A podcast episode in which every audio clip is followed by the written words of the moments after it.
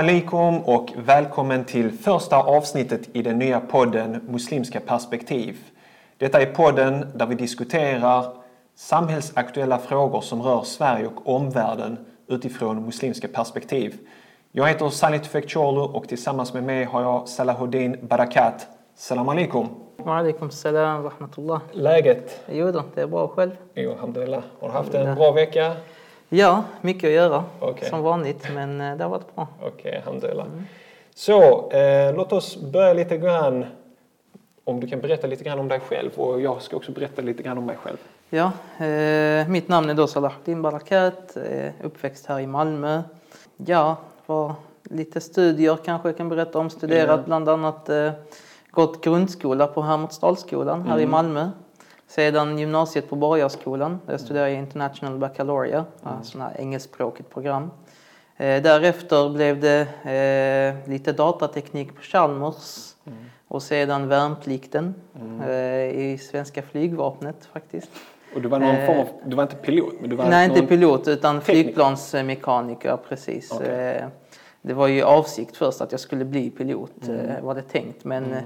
Medan jag låg inne, det var ju 2011, Mm. eh, förlåt 2001, eh, 11 september. Oh, Och då fick jag ju känna av väldigt mycket konsekvenser av det tyvärr. Okej. Och, eh, drömmarna om att bli pilot kraschade Mm. rätt så, rätt så eh, mycket. Så att eh, hur som helst därefter kom jag tillbaks till eh, Malmö och Lund och pluggade ekonomi, ekonomprogrammet och det var där vi sågs också? Och det var där vi träffades. Ja, Ja, precis. vad heter den? Ekonomidel? Eh, precis, precis. Nationalekonomi där. Ja, jag pluggade företag. Ja, vi pluggade också lite grann Ja. nationalekonomi, men finansiering var min eh, inriktning, lite Inriktning. grann. Ja. Sen därefter begav jag mig faktiskt till Jemen Mm. och pluggade teologi och rättslära. Hur länge var du där? Fyra, ett halvt år ungefär, Fyra drygt år. fyra år. Mm. Ja, precis. Eh, och eh, Och nu, har du varit, nu är du tillbaks till Sverige och är verksam som imam. Hur länge har du varit verksam nu i Sverige efter? det är ju sedan i- 2012. Okej. Jag kom tillbaka på sommaren 2012 och eh, ja, startade upp Islamakademin och eh, har varit ganska aktiv i det muslimska civilsamhället. Det var ju även innan jag åkte till Jemen, men eh, det, ja, lite mer. Det tog ny fart, med, Ny fart när du var tillbaks så att säga. Precis, på lite annat sätt. Hur, hur ser en eh, vardag ut för dig, liksom en, en vanlig dag? Ja, det, det är mycket möten, eh, mycket samtal, både över telefon och eh, på plats. Är det privata samtal alltså med människor som behöver hjälp eller är det liksom med både samarbetspartners och så? Med Ja, det kan vara i projekt exempelvis som vi deltar i. Det kan vara med myndigheter, med privatpersoner som behöver hjälp och då kan det vara allt ifrån samhällsfrågor eh, eller rättsliga frågor eller familjefrågor eh, till, till ja, i princip vad som helst kan jag nås av. Sen eh, ja, undervisning är ju också en, en del av min vardag. Eh, och mycket läsning och självstudier också för att hålla igång det man har inhämtat. Så att eh, ja, det är väl... och, och vad är det för någonting du studerar just nu då? Eh, jag har ju faktiskt en, en vad ska man säga, regelbunden läsning av Okej.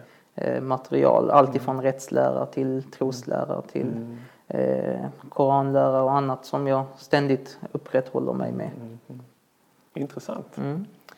Och eh, ska jag kanske berätta lite grann om mig själv? Ja. Sally Tufekcioglu heter jag. Eh, utbildad eh, lärare. Född och uppväxt i Malmö.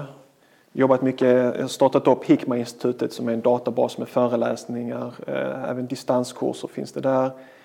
Eh, har sen på senare tid tillsammans med min fru startat upp eh, tahara.se. eh, Den här muslimska webbutiken. Som är väldigt uppskattad. Ja, alhamdulillah, jag hoppas det. Jag vet Alltså, att eh, människor nästan vallfärdar dit eh, från hela Sverige. Alltså, när, när man jobbar med någonting, det kanske du också känner av med Islamakademin, att man är så inne i det själv så man, kan inte, man ser inte det utifrån. Mm, Hur upplever människor det? Ja, precis. Men alhamdulillah, och de flesta feedback som vi får är liksom att folk är uppskattade och är tacksamma och så. Mm. Och, men nu jobbar jag som då gymnasielärare och också undervisar i samhällsämnen och historia och så. Och um, alhamdulillah, jag, är- nu är det här det senaste projektet som vi startar tillsammans Yes. muslimska perspektiv, den här podden som vi har lite, droppat lite grann på Facebook och nämnt det. Och, och precis. det har varit, jag visste inte att vi skulle få så stor feedback, positiv Nej. feedback på själva idén.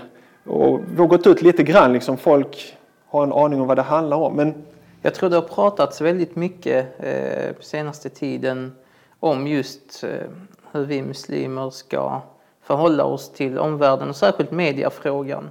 Jag tror det, vi har haft, det finns väldigt mycket samtal kring just muslimer i media. Både i samhället i stort men särskilt bland oss muslimer. Det känns som att vi är inne i någon fas av att vi börjar liksom känna att det är dags att göra mer. Det är dags att finnas eh, till, eh, vara, vara mer aktiva på den fronten. Ja, alltså, Tror du det är ett generationsskifte kanske? Delvis ja. Och, och delvis att jag tror vi har öppnat upp liksom moskéer och ehm, olika institutioner med just den här mediebilden, alltså en egen kanal där man kan få höra sin egen röst, där man själv kan bestämma sin egen dagordning, eh, har saknats. Utan det att man blir, uppring, man blir tiden uppringd av journalister som vill veta vad man tycker i olika samhällsfrågor. Och så, och så har man kanske några få minuter att berätta eller så känner man liksom det här är en fråga vi skulle vilja lyfta fram. Men journalister är inte intresserade av det till exempel.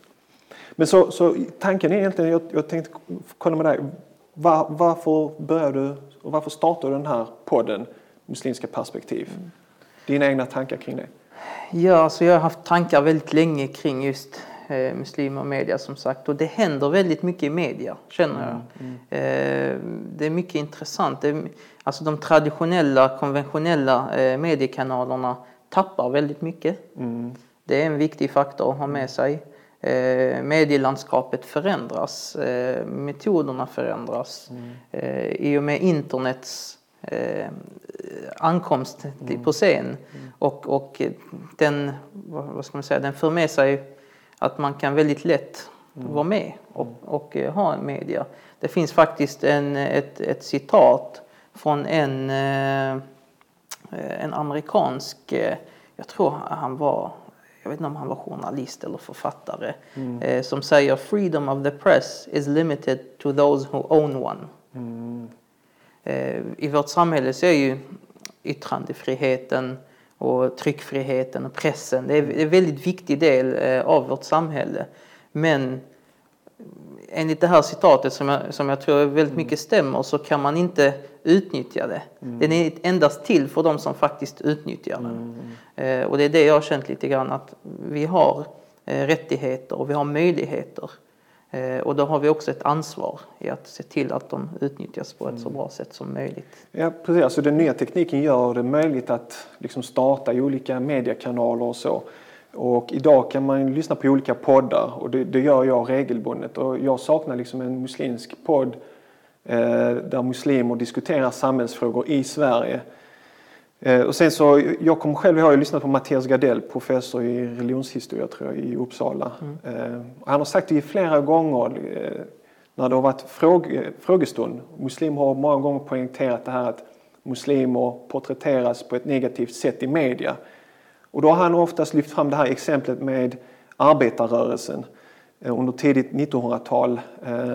När det var jättedåliga förhållanden i fabriker och arbetarna började organisera sig och demonstrera. Och tidningarna ägdes av liberaler och, och många gånger när arbetarna läste de här liberala tidningarna så skrevs det väldigt dåligt om arbetarna. Och så vad de gjorde var att de organiserade sig och startade många olika eh, tidningar som vi har än idag.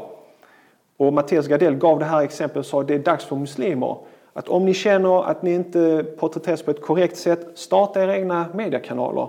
Arbetarna gjorde det då och, och du vet, idag är det ännu enklare. Alltså arbetarna, fattiga, du vet. Det fanns bara tidningar, de måste ha en stor tryckpress för att starta det här. Redaktör, det är stora, stor ekonomisk eh, industri bara för att starta det här. Och idag är det så enkelt. Eh, och därför jag har alltid haft det i baktanken och försökt med olika projekt som har levat och sen dött ut liksom som har varit med. Så, men jag hoppas inshallah att muslimska perspektiv kan hänga med Inshallah. Och jag tror också det, det som du säger, det är inte bara att man känner att muslimer porträtteras på ett eh, bristfälligt sätt utan det är faktiskt rapporter och vetenskap som ligger till grund för det. Det är ju att komma ut med en rapport förra året som väldigt tydligt beskriver eh, hur muslimer och islam ständigt förknippas med sådant som våld och terrorism eller utsatthet. Det är alltid någon negativ eh, kontext.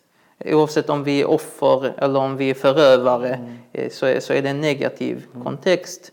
Och man kan ju säga att våra eh, perspektiv på saker och ting förs inte alltid fram. Eh, och jag vet, jag har ju själv varit i media väldigt mycket. Och då är det ju oftast att man sätts i någon slags försvarsposition eh, där man ska förklara sig.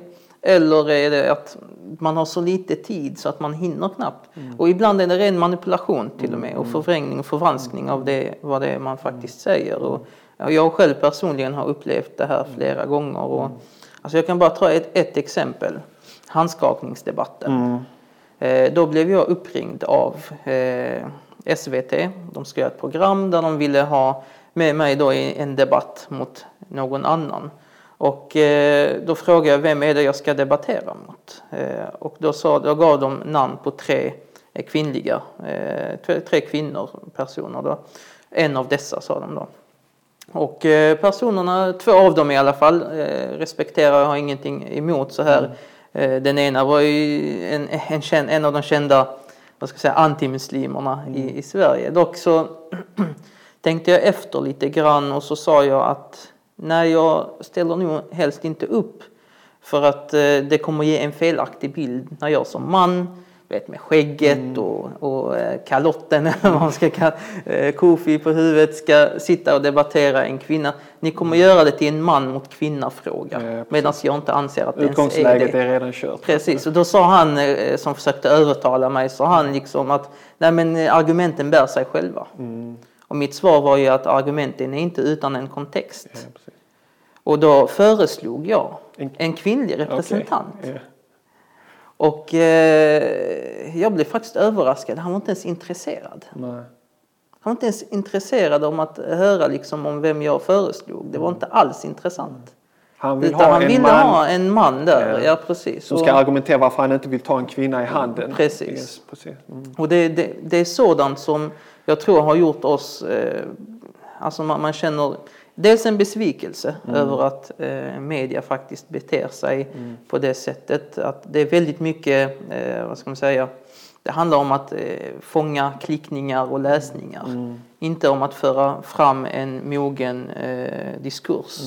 Eh, onyanserad, eller vad ska man säga, nyanserad di- diskurs, eh, balanserad diskurs. Utan det handlar mer om att få klickningar för rubriker, för läsningar. Kommersialismen, Ja, precis. Det tjänar pengar. tyvärr.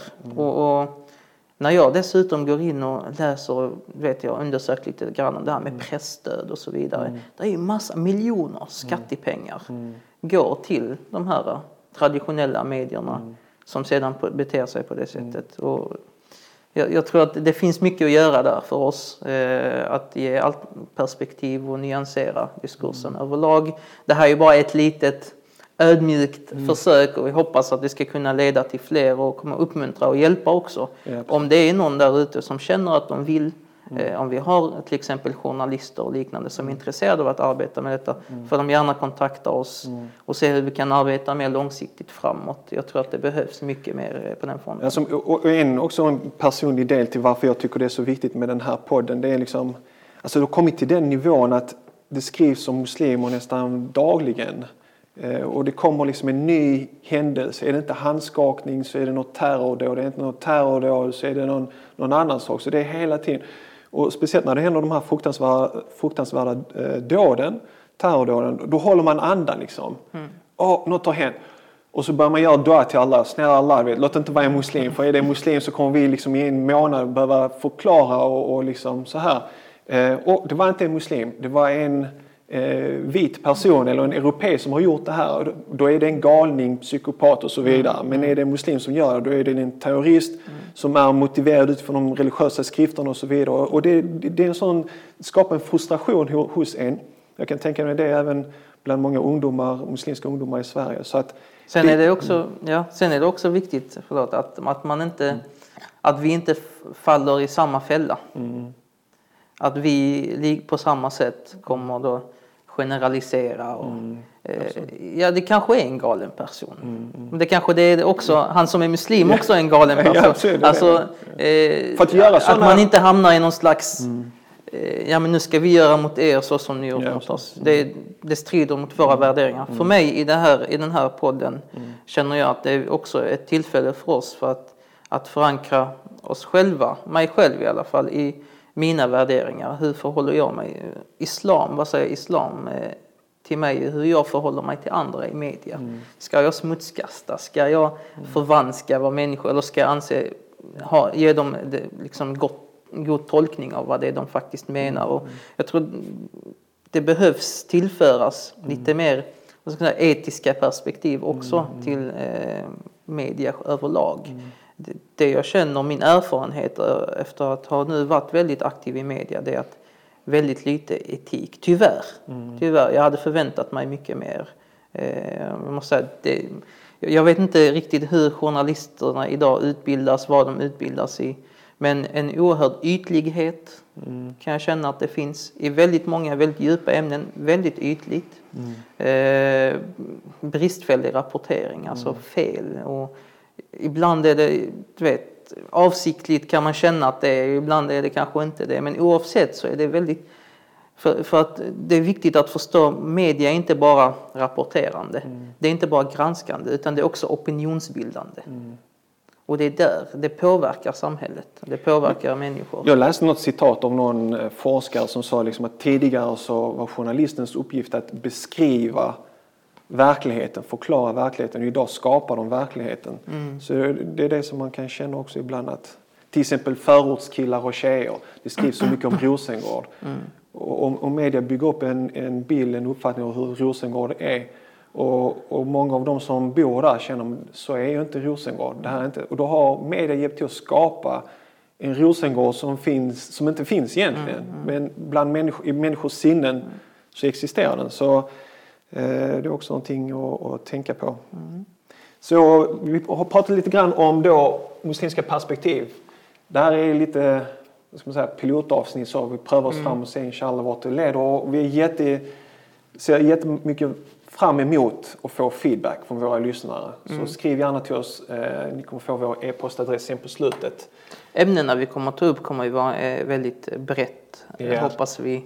Eh, och, och ha liksom även en del teologi kan jag känna, alltså, eller perspektiv i alla fall. Eh, muslimska perspektiv utifrån vår, vår eh, trosgrund. Eh, och jag tror att, ja, det kommer att bli spännande. Jag ser fram emot det. Eh, jag, jag har läst en fantastisk bok eh, som kom ut för många år sedan men den, den håller än idag och den heter Lögn, förbannad lögn och journalistik. Och eh, skrevs av en journalist som heter Anders R. Olsson. Han har gått bort nu. Eh, men den kom ut av Natur och kultur. Och han har ett kapitel här om, om islam och just den här mediebilden av islam. Och, eh, han hänvisar till exempel på sidan 144 till en rapport från eh, Pressens Tidning 99. Nu har jag några år på nacken.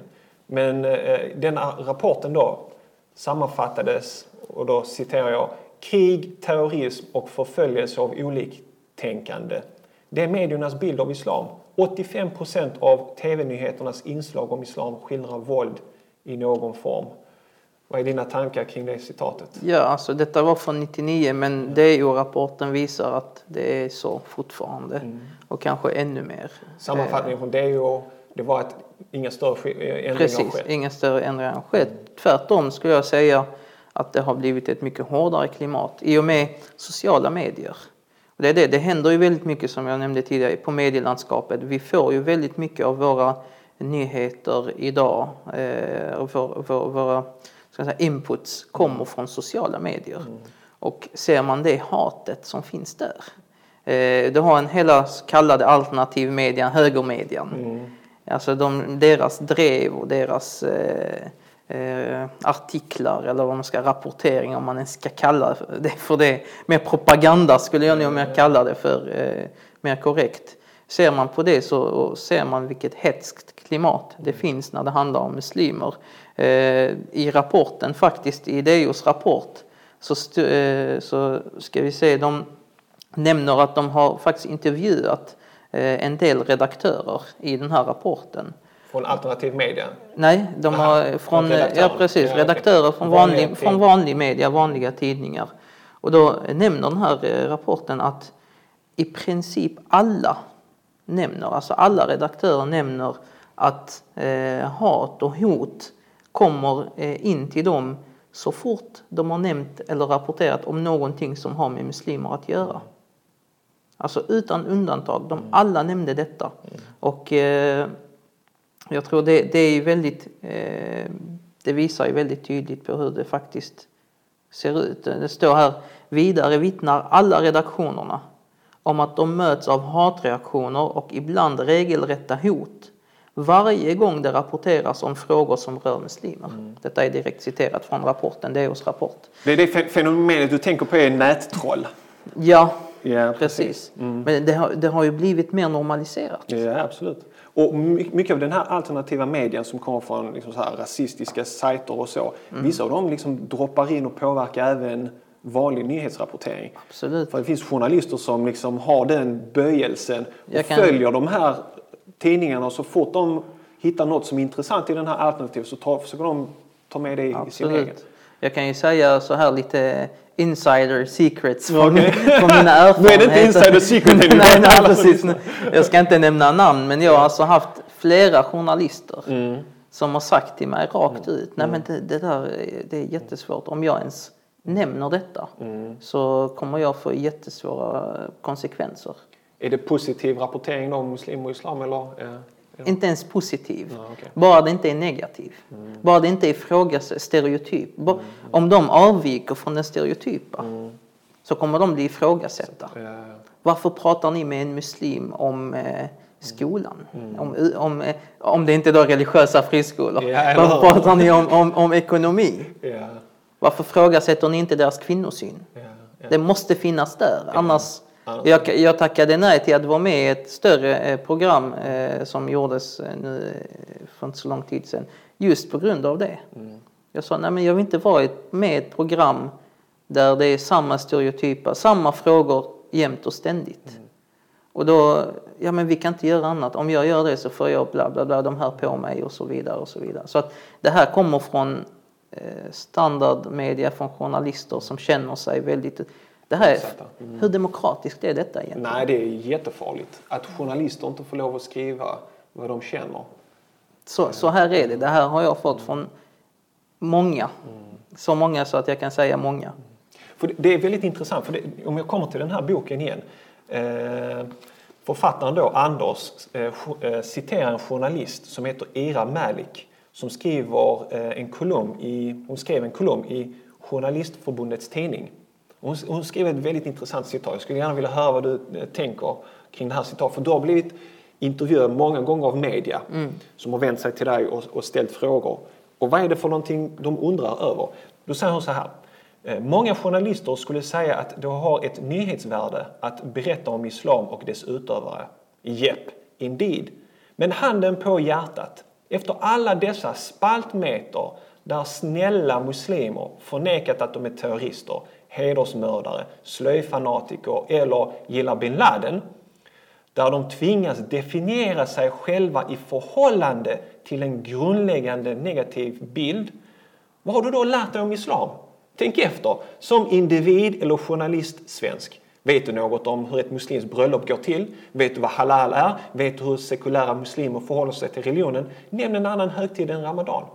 Alltså så att n- när du blir intervjuad får du liksom verifiera om detta är sant eller inte. Det är liksom mot det negativa hela tiden. Förklara och ta avstånd och, och liksom berätta att vi är Absolut. snälla, vi är inte onda. Absolut. Och människor lär sig inte något annat, något annat om islam. Istället så befäster man på något sätt den negativa bilden av islam. Även när man försöker vara, men jag är snäll. Jaha, Salahuddin Barakat är en upplyst imam, en svensk imam. Men alla de andra imamerna i källarmoskéerna, de är onda. Ja, med? Vad är dina Det, tankar? det är absolut så. och Det, kommer man fram till också i rapporten. En väldigt bra rapport som alla borde läsa känner jag. Där säger man alltså även när stereobi- stereotypa bilder ifrågasätts gör det, gör det då, det görs oftast i utgångspunkt eh, i just de negativa stereotyperna. Så vad man gör är att man faktiskt befäster dem. Och, och det är ett problem och visst jag eh, känner av det och har erfarit det väldigt, Hur ska, väldigt hur, ska, mycket. hur ska vi ta oss ur det? Jag tror ett, ett sätt är att göra det vi gör just nu. Att faktiskt starta, ge alternativ. Eh, där vi ger våra perspektiv på frågor, sakfrågor, så som vi vill utifrån. Eh, sen är det självklart, det är svårt att komma ifrån samhällsproblemen Eh, som berör muslimer, men vi kan bredda, vi kan nyansera och vi kan också visa att vi kan tala om annat eh, som är relevant. Så att jag tror att starta alternativa mediekanaler är en, en viktig punkt, men också att eh, ha goda relationer eh, med befintliga mediekanaler och kanske mer djupare relationer där de inser att vi faktiskt är annat än bara eh, avståndstagare av saker och ting. Mm. En annan sak som jag tänker på, eh, som också författaren skriver här, som är väldigt intressant. Till exempel, han, han lyfter fram det här exemplet med Fadime som m- mördades av sin bror, tror jag. Och det fick jättestor uppmärksamhet. Och författaren säger liksom, i Sverige mördar svenska män sina hustrur och så, men det skrivs inte så mycket om det. Men han, han skriver här någonting intressant, just med alla de här exemplen av onda muslimer som får jättestora rubriker i media. Jag tänker då på till exempel handskakningsdebatten som blev enormt stor. Eh, och till exempel den här Fadime. Och det kommer sådana med jämna mellanrum. Eh, något som har hänt i Saudiarabien, någon dom där. Eh, och som i våra öron, eh, i våra öron är väldigt barbarisk och så. Han säger något så här intressant. Han skriver på sidan 146. Svenska nyhetskonsumenter, liksom alla andra, söker vi visserligen kunskap om det viktiga som händer. Men vi vill också eh, som händer, men vill också ha sin självkänsla stärkt. Så enligt författaren här så, ja, de söker kunskap om vad som händer men de vill också få sin självkänsla stärkt. Den spontana och självklara empatin med flickor som Fadime bekräftar oss som moderna, förnuftiga och civiliserade. Det är inte konstigt att kommersie- kommersiella nyhetsmedier exploaterar detta behov maximalt. Så läsarna har liksom den här behovet av att stärka sin självkänsla. Jag vet ja, att jag är modern, jag är bra, jag, jag är inte orättvis mot min hustru eh, du vet, eller mot mina döttrar. Jag är en jämställd person. Ehm, om vi ska kolla på problemet så är det faktiskt de här svartingarna, araberna eller muslimerna som är problemet. Absolut, jag, jag tror den, den är väldigt viktig. Det är, det är mänskligt. Mm. Eh, vi alla människor har det eh, på ett sätt eller annat. Eh, men men eh, att det förekommer så ofta i media är beklagligt. Mm. Man bör vara mer professionell än sådan känner man. Men eh, ja, det, Ja, han skriver till exempel här också. Etnocentrism är ordet. Avigsidor med främmande kulturer, barnarbete, kvinnoförtryck, könsstympning, religiös fanatism och våldsutbrott av alla slag. Det vi vill höra mycket om, rysa och förfara oss. Det kontrasterar så skönt mot oss själva, mot oss som är goda och civiliserade. jag Det- tror det, det, det är diskussioner vi kommer ha väldigt mycket just när vi går in sen tror jag och talar om sådant som hela den här identitetspolitiken och värderingsdebatten eh, när man talar om svenska värderingar. Eh, vad är egentligen, alltså hur, hur pass eh, man, man har en bild, en, en självbild som är väldigt bra och positiv men hur verklig är den egentligen? precis. eh, och jag tror vi, vi kommer att komma in väldigt mycket på det eh, faktiskt och det, det är väldigt viktigt att, att eh, Och jag, jag eh, skriver Ja. också under på det där med, med det här med självkänsla. Att det är faktiskt något mänskligt. Eh, Vi vill alltid lägga problemet hos någon annan. Ja. Du vet, om det går dåligt i ditt eh, privata det gör vi liv. muslimer också. Det gör vi muslimer också. Du vet, Det går dåligt för dig, ja, men, du vet, det går dåligt för dig på jobbet. Mm. Det är min chef som är problemet. Det går dåligt för dig i skolan. Det är lärarnas fel. Så att det här med att skylla ifrån sig, det är ganska naturligt. Men det som jag tycker ändå liksom journalistkåren då som studerar och du vet, är insatta, att, att man inte har kommit förbi det, även om det har kommit ut så många rapporteringar, att man vill ha dem ännu mer professionella. Och nu när vi ändå har liksom pratat och du vet, problemen med media så finns det också väldigt duktiga journalister Absolut. som kämpar väldigt hårt, skriver bra rapporteringar, försöker vända strömmen och liksom lyfta fram eh, goda muslimska förebilder som, som ser det här problemet väldigt tydligt. Som till exempel eh, Anders Olsson som skrev den här boken. Han är inte ensam utan det finns många andra sådana journalister. Och jag, jag tror det är jätteviktigt som en del av den här lösningen inte bara muslimska perspektiv, men också att vi knyter kontakt med de här journalisterna, har bra relation med dem, men även att vi utbildar journalister. Alltså precis som polisen nu letar efter eh, nya poliser med invandrarbakgrund, söker aktivt, så, så är det samma sak med journalistkåren, att vi behöver ha eh, journalister med muslimsk bakgrund eller invandrarbakgrund eh, som kan komma in och, och påverka lite grann och, och, forma och vara med i diskussionen och väljer sina artiklar och, och så. Och har, du en, har du en journalistkår som består av liksom vita män, europeer, så, så blir det kanske ett visst urval jag av tror, nyheter. Jag tror att det, det behövs absolut ha goda relationer. Jag tror att vi behöver också granska. Mm.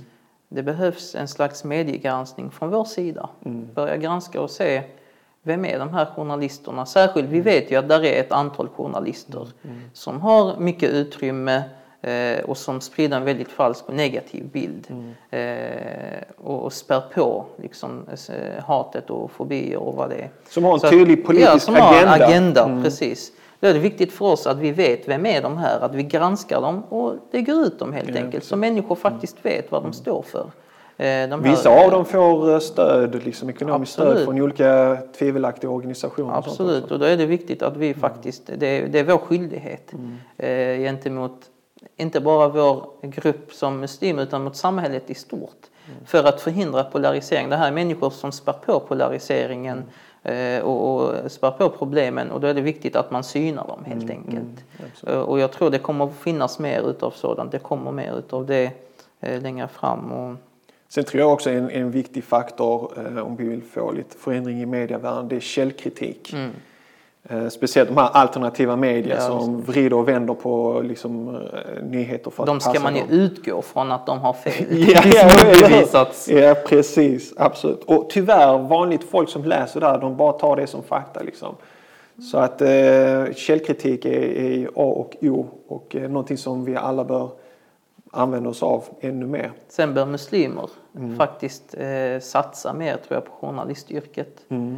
Utbilda sig, eh, studera media generellt sett. Eh, vi behöver människor som är proffs på Mm. filmer, på ljud och på det ena och det andra. Det, det, Speciellt då till muslimska föräldrar liksom, som hela tiden har sin dröm om att Ja, sonen ska bli en läkare. doktor eller doktor, ingenjör eller, ja, det finns ingenjör. annat i samhället Ja, som ja, också så man vill måste gärna träffa muslimska föräldrar liksom, som redan när barnet är litet är liksom, min dröm är att min son ska bli en duktig journalist. Liksom. Mm. Det är inte ofta man får höra det direkt. Så. Åtminstone låta barnen själva få, få, få ja det är många, jag, jag vet ju själv att man, många har växt upp och jag har växt upp liksom där man föräldrarna säger ja men det är klart du ska bli det här men det kanske inte är det man riktigt eh, lutar åt. Ja, precis. och, och, Journalistyrket är ett flum. Liksom. Ja, ja precis, ha det där ger inga jobb liksom. Ja, precis.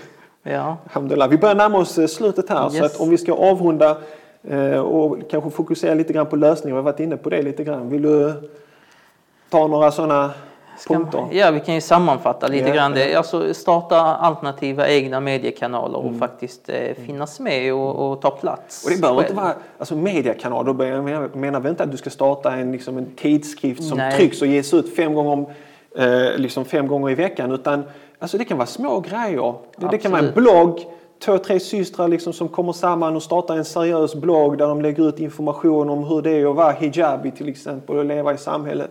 Många är säkert intresserade av Men även sånt, så- alltså, exempelvis, jag skulle gärna se att någon gjorde en intervju av Stefan Löfven exempelvis. Intervjuade Stefan Löfven och frågade honom varför sa du inte eh, glad Eid eh, vid vår högtid?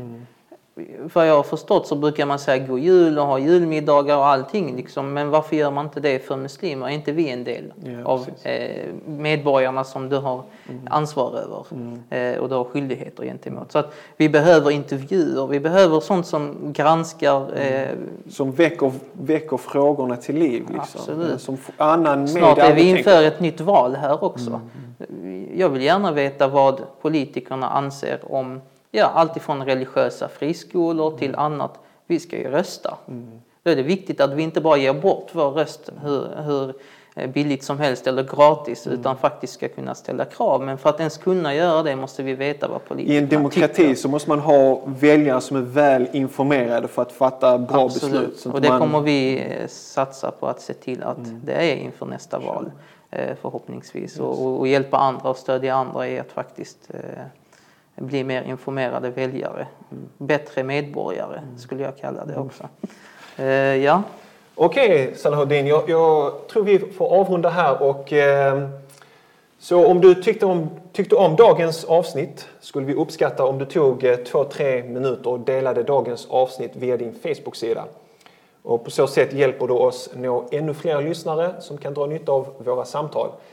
Och har du frågor, tips eller vill komma i kontakt med mig eller Salahuddin så gör du detta lättast genom att mejla oss på admin muslimskaperspektiv.se.